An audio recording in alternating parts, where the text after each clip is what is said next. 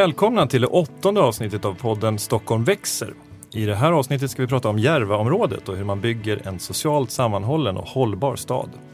Jag heter Fritte Fritzson och med mig här i studion har jag Sofia Eriksson, stadsplanerare vid Stadsbyggnadskontoret och Nurjan Gültekin, samordnare för social hållbarhet för Järvaområdet på Svenska Bostäder som är ett allmännyttigt bostadsbolag. Välkomna hit! Tack, tack så mycket. Eh, vad har ni själva för relation till Järvaområdet?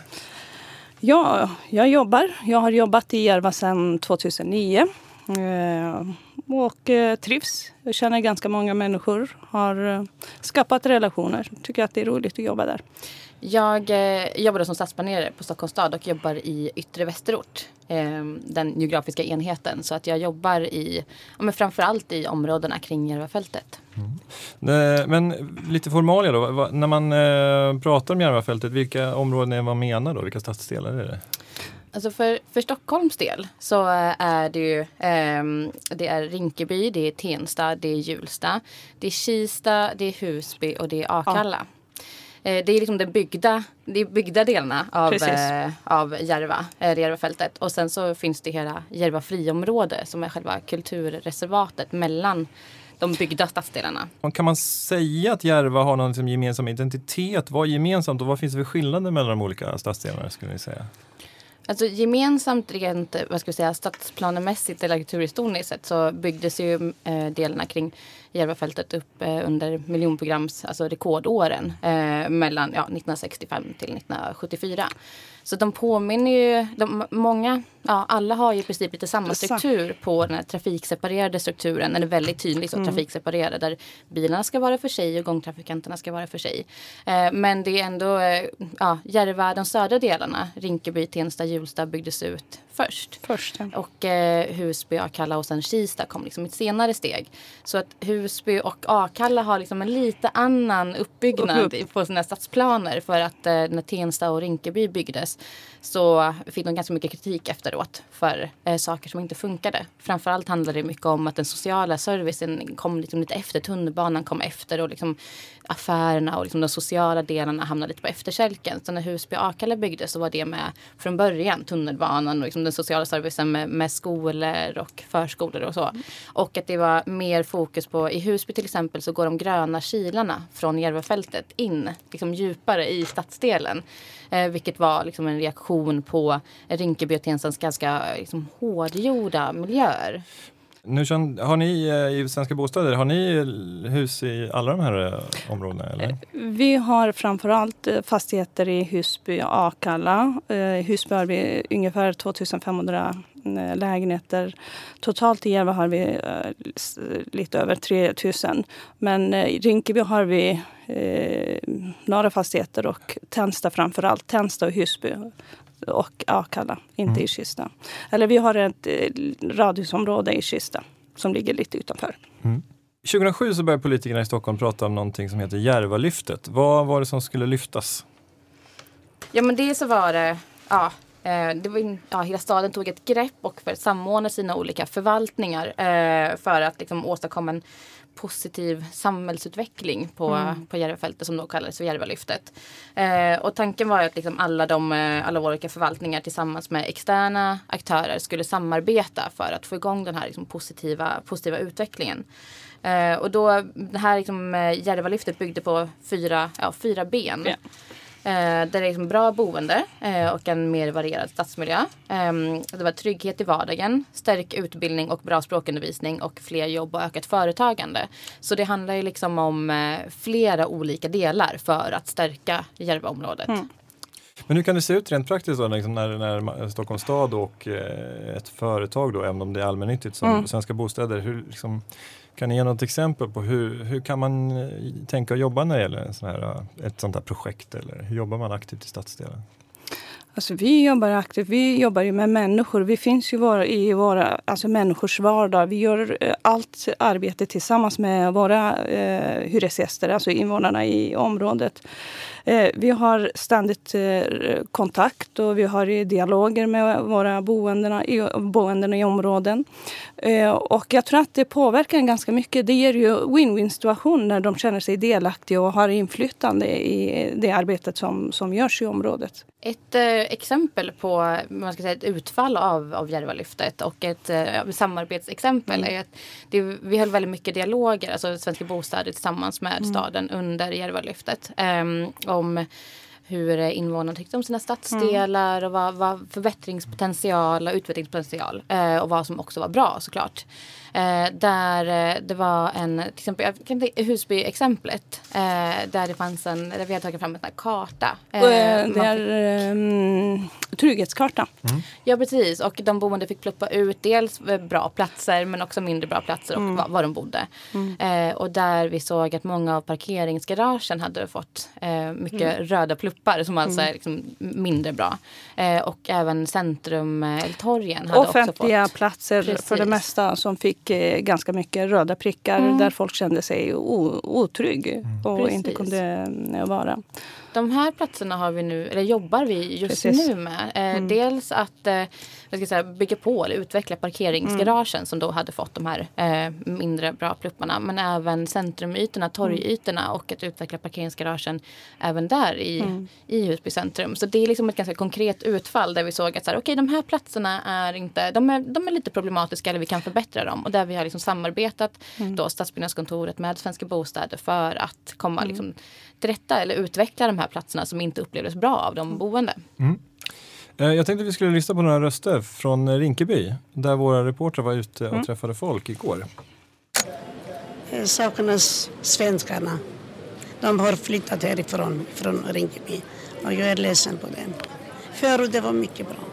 Vi var så många turkiska och eh, jugoslaviska. Och... Var det en annan gemenskap, mer socialt tänker du då? Gemenskap, ja. Eh, jag längtar efter grekerna att komma hit, men de har flyttat härifrån också. Um, in the thought process, has there been consideration of ways that people can engage across cultures and across generations?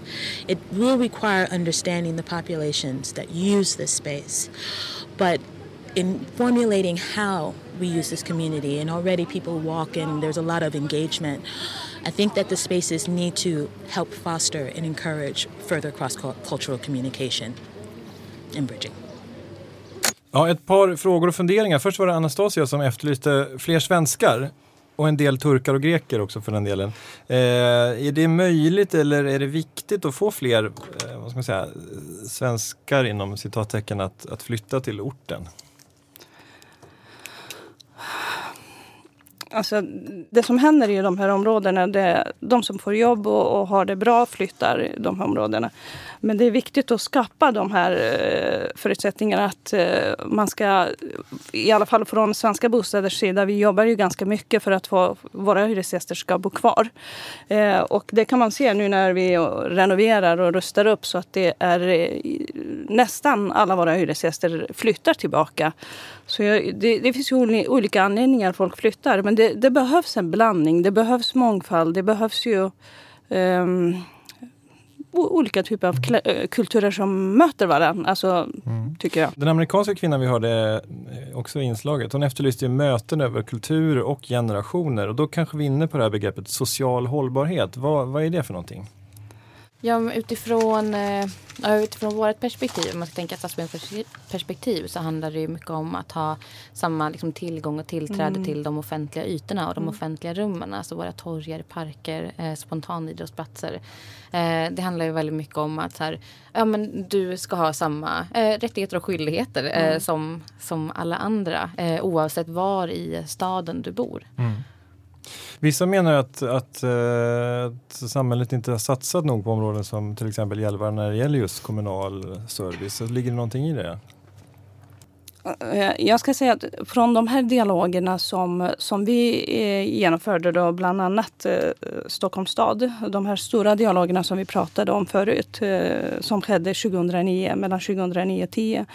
Och där var, det, där var det jättemånga, vi från början från Svenska Bostäders sida trodde att det var ju protester och frustrationer i Husby som, som vi trodde att det var kopplat till Svenska Bostäders verksamheter. Men i och med att vi i, i samband med de här dialogerna visade att eh, endast 20 procent som handlade om Svenska Bostäders verksamheter och, och, och eh, boendedelen. Resterande 80 procent handlade om skola, utanförskap, eh, segregation, offentlig sektors nedläggning och, och, många andra alltså, frågor som handlade om samhället stort. Och det tyder ju på att det är det finns en efterfrågan. Att det finns ju behov för, på, på satsningar mm. i området. Det, jag tänker att generellt så har vi ju, vårt samhälle går ju mer mot en liksom centraliserad och en mm. ganska mer marknadsstyrd. Mm. Eller ja, det har ju varit ett ganska bra tag nu.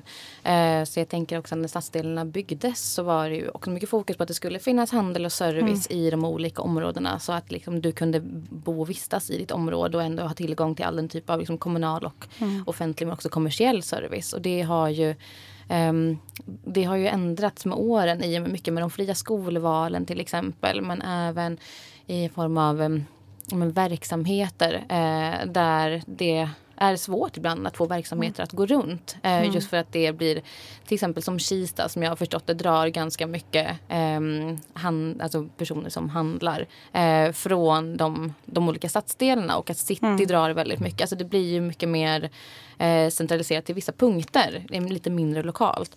Eh, och det är klart att det det blir ju olyckligt för de enskilda stadsdelarna mm. när den, den här servicen inte längre finns. Men när de här områdena byggdes då på 60-70-talen då var det mm. väldigt tydligt att det fanns i varje, liksom, vid varje tunnelbana så fanns en centrumanläggning där det både var kommersiell och och offentlig service och sen var det liksom, eh, mm. möjligtvis kanske också lite eh, idrott och kultur och sen så var det liksom bostäderna runt om och ganska lite lokaler då i bostadskvarteren. Men hur, när ni bygger nytt idag, då, både från eh, stadens och Svenska mm. Bostaders sida, hur tänker, ni, hur tänker ni då?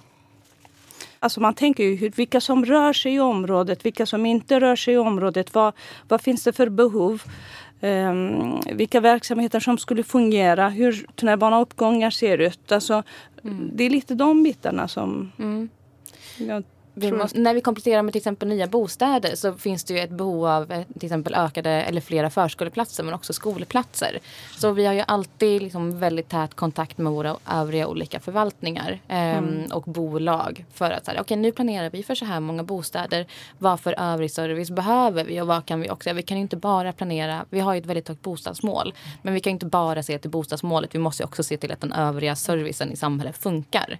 Sen så planerar vi ju, försöker vi alltid om det finns liksom rätt läge och mm. rätt behov planera för verksamhetslokaler för att det också ska kunna vara en, en blandning eh, mm. av, det kan inte bara vara bostad, det måste också vara vara en blandning av olika typer av verksamheter. Men just eh, där kan vi alltid bara planera för att det ska kunna bli verksamheter. Vi kan ju sedan aldrig styra över att det faktiskt blir en mm. butik mm. som flyttar in. Men alltså de här, om man tittar på miljonprogramsområdena så är det ju då lägenheter oftast ända nere och sen är det någon liksom, liten uteplats. Så det är mm. liksom mm. ingen skillnad mellan bottenvåningen och det som händer längre upp. Men eh, när man planerar idag, när man liksom ritar nya lägenhetshus i, i Stockholm, vad händer på bottenvåningarna?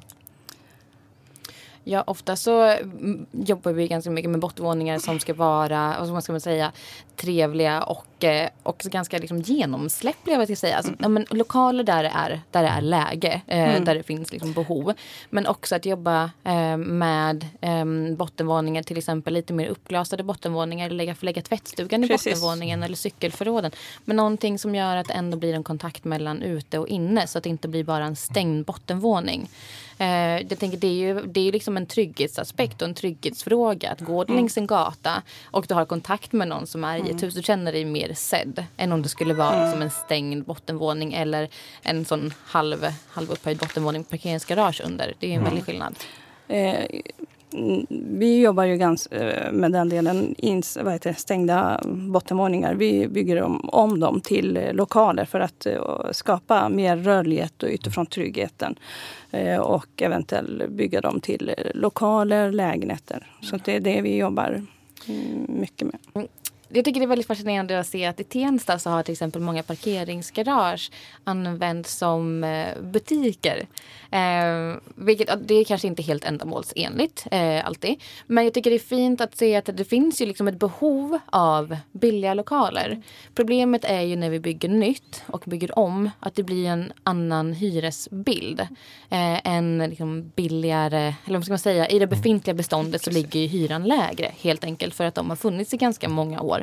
Eh, men när vi bygger nytt så blir det en helt annan hyresbild och det är ju också svårt att då som enskild företagare, mindre företagare få det att gå runt rent ekonomiskt. Men vi ser att det finns ju liksom ganska många innovativa lösningar mm. där det saknas eh, lokaler eller det finns behov av lokaler för, för verksamheter.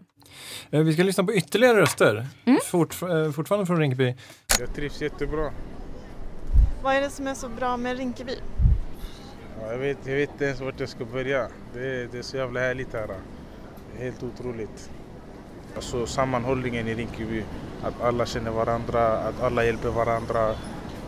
Det, nej, till exempel om jag ser någon, eh, någon äldre bära på en eh, matkasse så hjälper jag den. Eller någon av mina kompisar om den ser min mamma bära eh, på tunga grejer så hjälper alltså, man, hjälper, man hjälper varandra med olika grejer. Det, alltså, från det minsta till det största. Om någon hamnar i bra, alltså allt, allt. Eh, ja, alltså vi trivs jättebra här men det är det som man har börjat bli rädd att gå ut sådär. Alltså när det börjat bli lite mörkare och sånt. Och alltså det är mycket våld här. Tycker du att det är mer nu eller? Ja, alltså innan var det lite lugnt, men ibland brukar det vara. Men nu har det blivit mer. Om ni fick ställa en fråga till de som bestämmer över de husen som byggs här och hur Rinkeby kommer se ut i framtiden. Vad skulle ni vilja fråga eller hälsa dem? Att försöka ge mer kärlek till alla som bor här. Ja. Hur, hur ger du kärlek? Eh, om någon till exempel tittar på mig kanske jag ler. Eller om någon har tappat något, ge till den personen och sånt. Först hörde vi eh, Shamarke som pratade om en, en, en trygg stadsdel där man hjälper varandra och stöttar varandra och så här, bär varandras kassar. Sen hörde vi, hörde vi Mohammed, 11 år, då, som pratade om kärlek men som också menar att det, fanns en del eh, stökigheter och våld. Känner ni igen de här bilderna som de, som, som de ger? Ja, eh, absolut. Jag vet ju, vi har haft många dialoger med, eh, men dels i, eh, i Rinkeby eh, och i Husby och det är ju många som pratar så himla väl om sina områden såklart. De är ju mm. väldigt fina områden och väldigt så här, ja, men uppskattande om dem. Sen så har det ju också senaste tiden framförallt lyft en otrygghetsproblematik. Eh, att, och vi har ju våran stadens trygghetsmätning som visar på att otryggheten i Eh, den är uppdelad i stadsdelsområden. Men Spånga-Tensta och Rinkeby-Kista, eh, att den tillsammans, jag tror att det är Skärholmen, men ligger liksom otrygghets, att den ligger högre än i liksom snittet av staden. Men jag tänker också att det är viktigt att poängtera att det är den upplevda otryggheten och inte den faktiska brottsstatistiken. För om vi pratar med, när jag har pratat med lokalpolisen eller närpolisen som jobbar i bland annat Rinkeby och i Husby eh, och stadsdelarnas säkerhetsstrateger så säger de att det är där den, faktiska, den faktiska brottsstatistiken ligger betydligt mycket lägre. Det är, inte, det är inte alls i relation att den inte är speciellt mycket större än i övriga stan. Men det handlar ju mycket om eh, vilken typ av um, det har ju varit en del skjutningar och liksom andra typer av mer kriminella verksamheter. Men det, det är ju också en helt annan typ av fråga. Eller vad ska man säga? Den är, liksom, den är ju ganska extrem. Mm. Eh, och det handlar ju mycket om hur media sen, framförallt hur media vinklar eh, artiklar och inslag om områdena. Eh, och det förstärker ju också en känsla av otrygghet. Men jag tycker att det är jätteviktigt, vill jag verkligen poängtera, att prata om att den upplevda otryggheten är ju också förstås ett, det är också ett problem att folk upplever sig otrygga. Men att också se till den faktiska brottsstatistiken som visar på att det är liksom inte så illa. Men det känns ju som en genomgripande tendens i samhället generellt. Att, att det här med upplevd trygghet kanske inte alltid eh, korrelerar med, mm. med, vad, som verkligen, vad man verkligen kan titta på i form mm. av brottsstatistik. Och sådär. Mm. Eh, när vi bygger om och vi bygger satsar vi ganska mycket på trygghet och säkerhet. Så att, eh, Jag tror att eh, det har ju gett resultat. Mm. Uh, och vi har inga... Alltså, senast tre år sedan det var ju några, någon karavaller i Husby. Mm. Så var det jättemånga ställen som förstördes. Men inte en enda grej, alltså fönster från våra fastigheter. Mm. Det var ju fascinerande. Så att det... Eh, sen bygger ju eh, ja, Tensta och Rinkeby mm. och Husby Akalla strukturer framförallt mm. på eh, en struktur som såklart, ja, men som sagt är ju trafikseparerade. Så att bil, bilisterna rör sig på en nivå, gång och cykeltrafikanter rör sig på en annan nivå. Eh, och, så det är ett gaturum där liksom, mm. ja, det blandas inte utan det rör sig på olika nivåer. Och mycket av bebyggelsen i Rinkeby och eh, Tensta och Husby vänder liksom, vad ska man säga, vänder sig mot gårdarna. Vänder mm. sig liksom inåt och inte, inte utåt. eh, mot, eh, ja, mot gångcykelvägarna eller gatorna. Eh, så att den här ögon på effekten som du får får i andra delar som inte är byggda enligt den trafikseparerade strukturen. Då är liksom entréer och fönsterpartier ofta mot gatan och i gatan så finns det både bilar, gångtrafikanter och cyklister.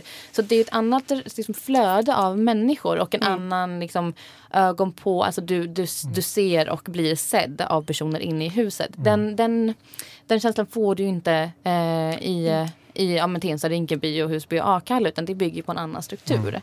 Men när ni tänker på de här frågorna då från Stadsbyggnadskontorets sida så det, det, är ju en väldigt tydlig struktur då som du säger med trafikseparering och, och hur bostäderna är organiserade. Men när ni liksom kompletterar och liksom bygger om områdena, hur liksom, försöker ni jobba med den här strukturen eller försöker ni liksom hitta en struktur som bättre kan uppfylla de behoven som du pratar om? Som till exempel tydliga gaturum och Alltså att man fattar vad som är ut och insida på en fastighet och sådär.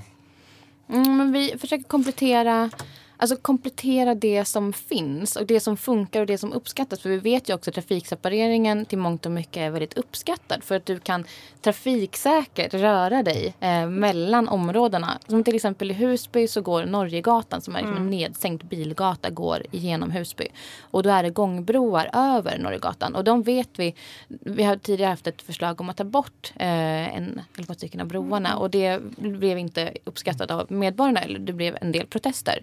Eh, så nu ser vi, så försöker se till att men vad, vad är bra med trafiksepareringen? Jo men det är att du kan göra det trafiksäkert. Men inom det här, den här strukturen, vad kan vi komplettera med för att det ska kunna bli ännu bättre? Så att nu, eh, framförallt de planerna vi jobbar med i Husby, så kompletterar vi med trottoarer eh, och cykelvägar eh, där det behövs. För vi ser också att längs med gatorna eh, i Husby så är det upptrampade stigar. Alltså längs med bilvägarna så är det upptrampade stigar. För det finns ju fortfarande ett behov av att gå längs med gatorna för busshållplatserna mm. ligger där till exempel. Och ibland är det helt enkelt genare att gå längs med bilgatorna än att röra dig liksom upp via en mm. ramp eller en trappa upp till de ja, bilseparerade eller liksom trafikseparerade gångbanorna. Så att istället se till så här, men hur, hur funkar det? Eh, vad kan vi då komplettera med för att det ska funka ännu bättre. Mm. Eh, och då kan vi möjliggöra för att du ska kunna röra dig på flera olika nivåer. Vilket också gör att du trafiksäkert kan röra dig även längs med gatorna. Men också ur ett liksom, trygghetsperspektiv så får du flera olika alternativ. Mm. Eh, istället för att bara röra dig på den här gångvägen. Om du möter någon till exempel som du inte gärna vill möta eller känner att nu är det lite mm. mörkt och jag känner mig lite ensam, jag vill inte gärna gå här. Då kan du välja att liksom, röra dig på en annan nivå. Då har du flera olika val. Mm. Eh, Nurjan, jag vet att ni på Svenska Bostäder jobbar med någonting som kallas för feministisk stadsplanering. Mm. Eh, kan du berätta lite vad det är för någonting? När vi skulle 2014 bygga om Husby centrum då, så tänkte vi, vi, vi vill ju föra dialog. Så när vi började med de här dialogerna, vi hade öppet hus mm, och eh, bjöd in näringsidkarna om hur vi skulle bygga om Husby centrum. De skulle komma och lämna sina synpunkter, även allmänheten. Då. Så i samband med det så det var några kvinnor från Husby hörde sina röster och det här blev medialt uppmärksammat. Eh, och att de eh, kände sig socialkontrollerade och eh, det fanns inga mötesplatser för kvinnor. Och det var inte kvinnors offentliga rum mm. och de kände sig... Mm, det var obehagligt för de kvinnorna att vara på torget kan man säga. Och det här var det ett nytt sätt för Svenska Bostäder att tänka på. Men vänta nu, vi bygger ju fastigheter. Vi har, det är ju statistik, betong och allt annat. Men de här mjuka frågorna som vi pratar om, social hållbarhet, de är också viktiga. Vi kan inte bara bygga hus och tro att allting ska bli bra. Men vi måste ha de här mjuka känslorna med oss när vi ska planera, göra planeringar och bygga om dem. Mm. Och eh, då tänkte man, okej, okay, vad gör vi då? Det finns ju en otrygghet i centrum och kvinnorna upplever, det känns som att de behöver ju prata om det här. Då bjöd vi in kvinnorna till uh, workshop och fem workshop hade vi. Vi hade också mm, eh, föreläsare från KTH och lite andra forskare som kom och föreläste om. Eh, och när vi hade de här workshopen då och eh, pratade, vi hade gåturer. Och då sa kvinnorna att de brukar undvika vissa områden och det känns otryggt. Dels av eh, kulturella, strukturella, alltså fysiska strukturella hinder som hindrade kvinnor att vara offentliga i rummet. Också att det fanns eh, en makt, eh, gatumaktordning i Husby torg, eller Husby centrum.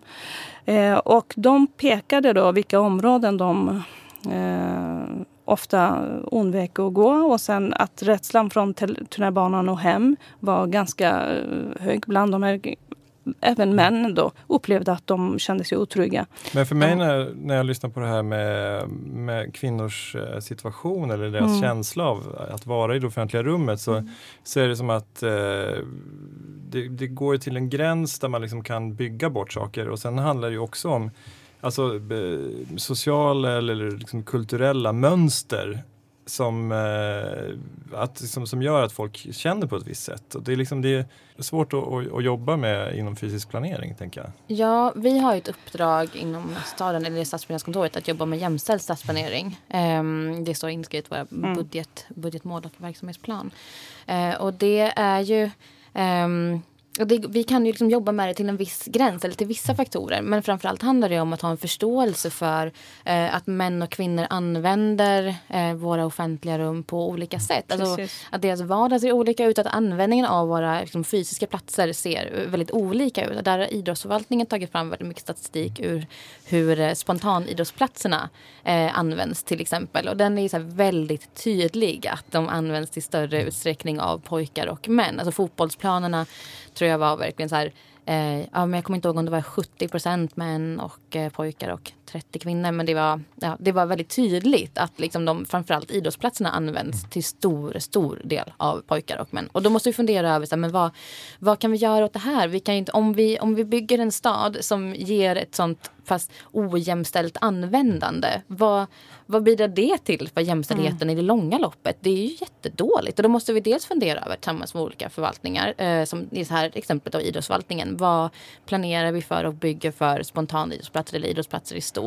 Men vi också, måste också fundera över så här, om det är en sån ojämställd användning av offentliga rummet. Hur kan vi då liksom underlätta för ett jämställt användande. Och i Husby nu så håller vi på att se över eh, torgytorna tillsammans med bland annat Svenska Bostäder. Mm. Eh, när vi planerar för nya bostäder i Husby så ser vi att ja, men då kan vi också vad ska man säga, då har vi också en liksom chans att se över hela Husby och torgytorna och Edvard Grieg-gången som är den liksom, mm. ja, trafikseparerade gången som löper längs med torgytorna. Eh, och eftersom vi har då haft dialogen kring... Men det pågår också eh, dialoger. Så att det... Absolut, mm. precis. Men eftersom vi också vet ja, men det arbete som ni har gjort med, mm. med feminist stadsplanering i Husby och att vi förstår att så, men, de offentliga ytorna används liksom inte jämställt. Mm. mm. Eh, så har vi då en liksom, dialog med fokusgrupper för att få in synpunkter från personer som vi vet inte traditionellt sett kommer till tals i liksom, dialogprocesser. Så vi har en fokusgrupp med kvinnor, vi har en fokusgrupp med unga vuxna och med mm. barn. För att också få in synpunkter synpunkter från, från de som vi vet inte är så liksom, resursstarka jämfört med andra. För att se så här, men vad, vad kan vi komplettera med? Vad behövs? Och det är många i de här workshopgrupperna som har sagt att ja, men om vi skapar mer ytor för barn till exempel så kommer det också fler kvinnor. Eh, för att det ja, är som, mer traditionellt så i Husby att det är framförallt kvinnorna som är hemma med barnen eller har liksom huvudansvaret för barnen. Så om vi planerar platser för barn så kommer det kvinnor och då, liksom alla, då kommer alla vistas på torgen och en blandning är liksom det som alla säger. En blandning av aktiviteter Aktivitet. eh, på torgytorna eh, gör att det kommer fler människor. Eh, och då liksom, det skapar förutsättningar. Sen kan ju vi aldrig bestämma vilka som ska vistas på torgen eller till hur stor del eller hur mycket plats Nej. de får ta. Det, det handlar ju om andra sociala strukturer och mönster. Mm. Um, men vi kan ju skapa förutsättningar Precis. för en blandning och för möten. Mm. Det är liksom det vi kan göra. Just det. Mm. Eh, men kan, kan, det vara helt, kan det vara mer handfasta grejer också? Så här, att nu säger vi liksom att nu ska på de här idrottsplatserna, ska, nu är det, på tisdagarna är det tjejernas kväll. Det finns exempel på kommuner mm, runt om i Sverige som har liksom vänt på den här eh, maktordningen. Mm. Där de såg över sina, just tiderna, som, alltså tiderna som bokades för olika föreningar mm. eller olika lag. Och såg att eh, liksom killlagen eller liksom lagen, eh, manslagen fick de bästa tiderna, de bästa slotterna och liksom vände på det. Så här kan det inte vara. Tjejerna och kvinnor prioriterades liksom mm. alltid bort. Så att de vände på liksom den turordningen. Eh, och det är ju en sån sak som vi som stad, eh, det kanske inte ligger på, på oss två, men liksom på staden, på idrottsförvaltningen och så att här, se över mm. vad kan vi göra för att liksom förbättra och underlätta för jämställdheten. Mm. Alltså man måste ju föra dialog med människor och prata med dem så att man ska ta reda på vad är det som saknas, vilka som, mm. vad är det som efterfrågas. Jag tror att det är viktigt att, att ha det, alltså vilka som rör sig, vilka som inte rör sig, vilka får plats och vilka som undviker. Alltså, eh, varför, kvinnorna, de, varför kvinnorna inte kommer till, till, får inte plats i offentliga, vad är det som skulle locka de här kvinnorna? Det är bland annat, som du nämnde Sofia, barnaktiviteter, barnen, lekplatser platser kanske. Inte vet jag. Men att det är viktigt att de, de ska känna sig, alltså de här kvinnorna, att de ska gå till någonting mm. som lockar dem. Eh, vi ska börja runda av. Men jag tänkte om, eh, det är inte alla kanske som vistas så mycket ute i Järvaområdet. Om ni skulle ge era bästa tips från Järva, vad får man inte missa om man åker till Järvaområdet? Eh, jag kan säga att Husby gård är det en, en, plats som jag rekommenderar. Det fältet där utanför. Och Akalla by, inte minst mm. Ägeby gård som mm. har jämt eh, aktiviteter. Det händer mycket. Häromdagen eh, en eh, vän till mig från Huddinge åkte ända till Ägeby gård. Och han tyckte att det var fascinerande. Och det är det här att kunna röra sig mellan stadsdelarna och se de här vackra ställena och vara mer delaktig. Eh, och ehm, Järvafältet, inte minst eh, att den, eh, det är en, en fält som bygger, vad heter det, närmare knyter mm. de här två stadsdelarna till varandra. Så att man kan promenera här, över Järvafältet, komma till Tensta eller Rinkeby. Mm. Ja, Järvafältet det är ju det är ju jättestort. Jag tror att det är lika stort som hela Kungsholmen mm. om jag inte minns fel. Det är ett helt fantastiskt naturområde, supervackert. Mm. Och väldigt också varierad natur med öppna fält men också skogsdungar. Um, sen så Tensta konsthall har Just också det. väldigt bra utställningar och en jättefin och där, lokalt driven konsthall mm. om jag har förstått rätt. Jättebra. Um, sen är det också kul att se Rinkebystråket Eh, där eh, staden, eller familjebostäder eh, tillsammans med Stadsbyggnadskontoret har eh, planerat och byggt om Rinkebystråket som tidigare var en liksom, trafikseparerad gata och kompletterat med eh, verksamhetslokaler eh, längs med stråket. Så det är en helt annan typ mm. av gata nu. Det är jätte, ja, jättespännande. Rinkebyterrassen är också med alla konstverk som liksom brygger över Järvafältet från Rinkeby är också jättefint. Mm. Det finns ju väldigt mycket att att se. Och är du arkitekturhistoriskt eh, mm. intresserad så det är ju mycket. jättemycket. Det är väldigt liksom, tydliga exempel på bebyggelsen under liksom, kodåren. Och Husby är ju verkligen väldigt välbevarat mm. också. Väldigt här, jättetydligt. Och det är inte långt från Stockholm, det är bara 20 eh, minuter. Tack för bra mm. tips. Eh, hoppa på blå linjen i riktning Akalla eller Hjulsta så kommer ni dit. Eh, och tack för att ni ville vara med. Mm. Ja, men tack själv. Tack själv. ni har hört det åttonde avsnittet av podden Stockholm växer. Jag heter Fritte Fritzson och gäster i studion var Sofia Eriksson och Nurcan Gültekin. Reportrar på stan var Martin Ottosson och Åsa Jackson. Och tidigare avsnitt av Stockholm växer kan ni lyssna på i Acast-appen eller i någon annan poddspelare. På återhörande.